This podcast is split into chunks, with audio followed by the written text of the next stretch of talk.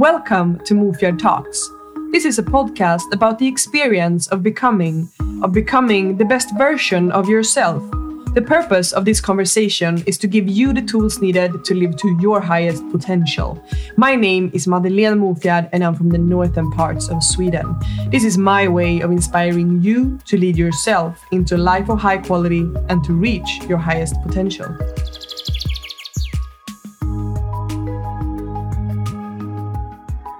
Another Tuesday, another episode. The plan is every second Tuesday release a new episode, but I must confess that I feel quite empty the Tuesdays that I'm not giving you something new to listen to. So actually, I will be straight on and ask you if you would like me to post a new episode every single Tuesday.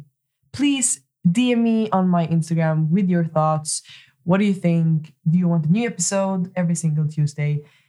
And when you are on my Instagram to DM me, also make sure to follow me and get connected. But let, us get started. I mean, we are getting close to New Year's Eve, and I can't see a better topic than to talk about the importance of actually setting your intentions for the coming year.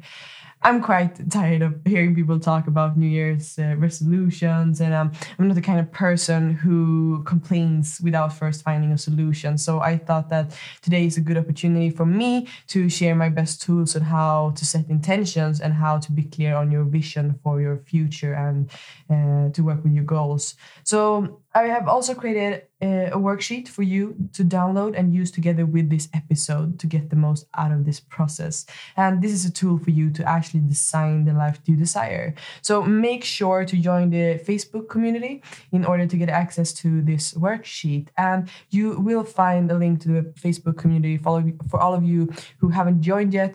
There will be a link in the description of this episode. So make sure to join and see you in the community, in the group. So, to be honest, uh, when it comes to intention, I think I'm quite obsessed with the thought of living with intention. It even reached a point where I got a tattoo on my arm with the text intentional living. So, the question is how do I use my obsession of intentional living on Tinder? Well, do I even use Tinder? It's it, these are all great questions.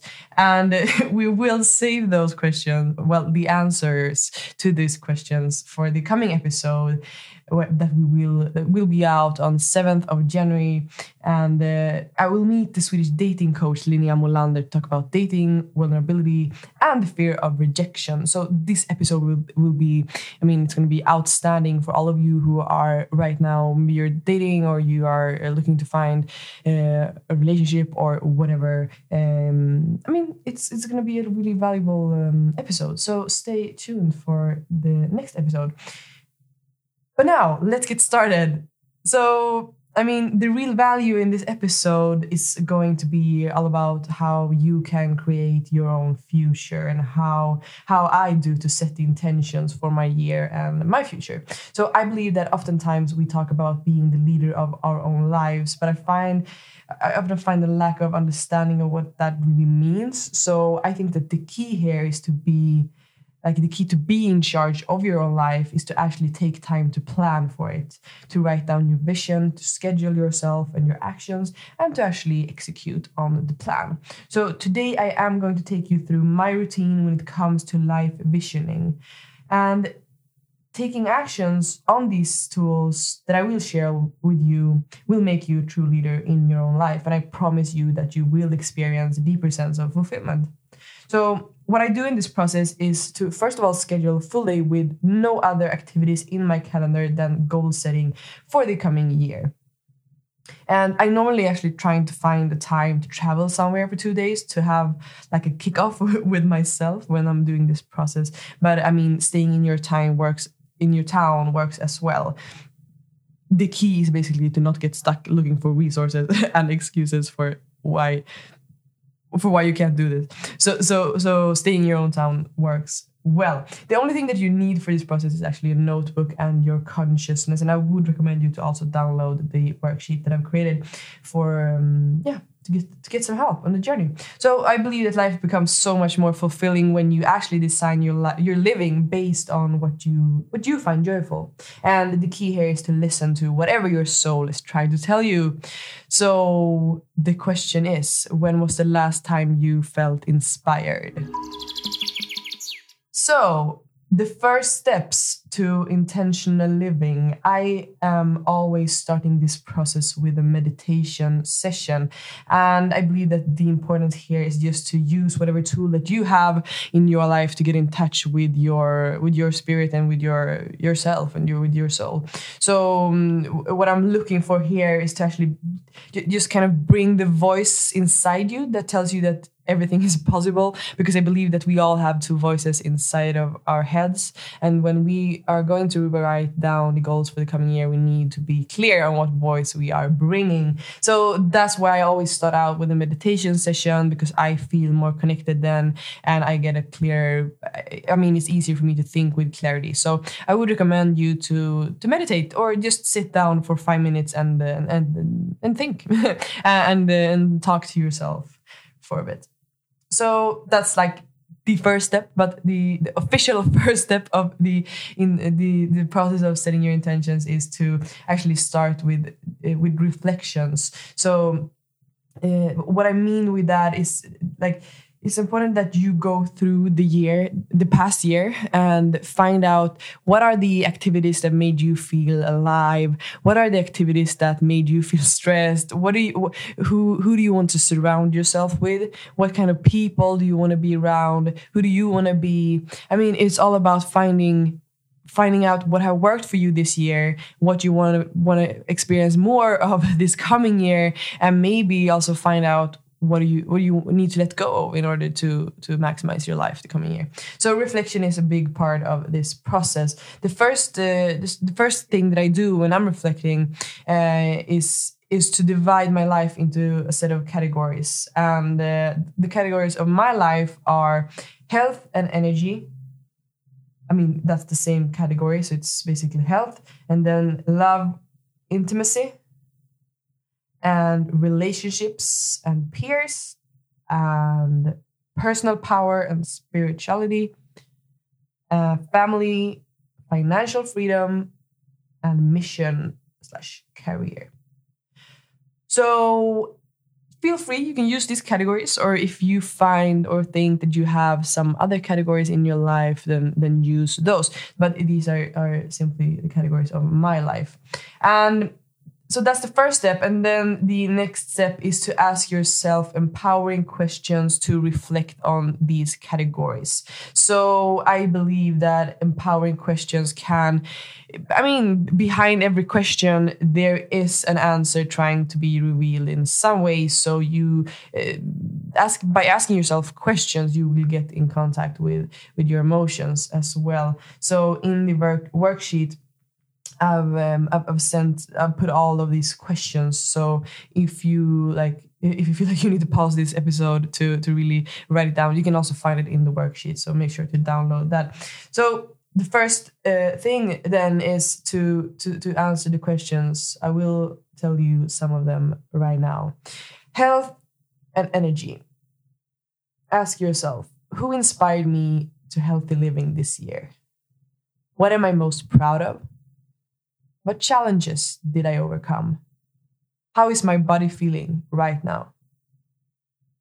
So that's the questions that I ask myself in the category of health and energy. And then we go uh, to the category of love and intimacy.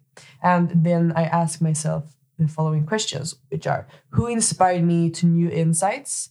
Who made me feel loved? In which moments did I love myself the most? How did I allow my body to feel present pleasure? And uh, like it's it's really important that you actually give yourself time for this because it might i mean it, it, will take a lot of time because there will be a lot of thoughts popping up in your mind while doing this process. So it might as well be kind of um, a hard process to go through but this is what will make you grow. And you are listening to this podcast because you want to grow. So give yourself time. The next category is relationships and peers. And the questions that I ask myself in this category is in whose presence did I feel the most alive? Who did I get to know? Who do I need to become to maintain these relationships? And then we move further to the personal power and spirituality. And I ask myself, who inspired me to grow and expand as a person? What fears did I overcome? What am I most proud of? And when did I feel the most alive? When it comes to family, I start with writing down the three things that I value the most with each family member. And the second question is how did I show my family that I love them this year? And how can I love them more the coming year? And then it's the category of financial freedom. Then I ask myself, who inspired me to take charge over my financial situation this year? What am I most proud of? How was my emotional life impacted by my financial situation? What am I most happy about spending money on this year? And then we have the mission and career. So the questions over here is who inspired me to take action on my goals? What goals am I most proud of achieving? What challenges did I overcome? How did my work contribute to others? And that's it. And I mean, and I, I believe that after doing this, you will come up with a lot of names of people that have inspired you in your life and have, have had some kind of impact in your in your um, in your life. So so please also make sure to call or text them and let them know that they are in your thoughts, that you are thankful for them, and show them your appreciation before moving on to the next step. So, step number two of setting your intentions for the coming year is the step of actually setting the intentions and creating the vision. So, the first or the thing that you are going to do is for each category, you will be writing down five to 10 goals. And oftentimes, when it comes to goal setting, we, we talk about having goals that are easy to measure and that you know when you have achieved them. But when I talk about goals, I also think about them as visions. So, for example, uh, for me, within the category of health and energy, one of my goals or a vision for me is to feel I want to feel strong and I want to feel proud over my body. I want to feel that my body can take me through whatever challenge I'm, I'm facing.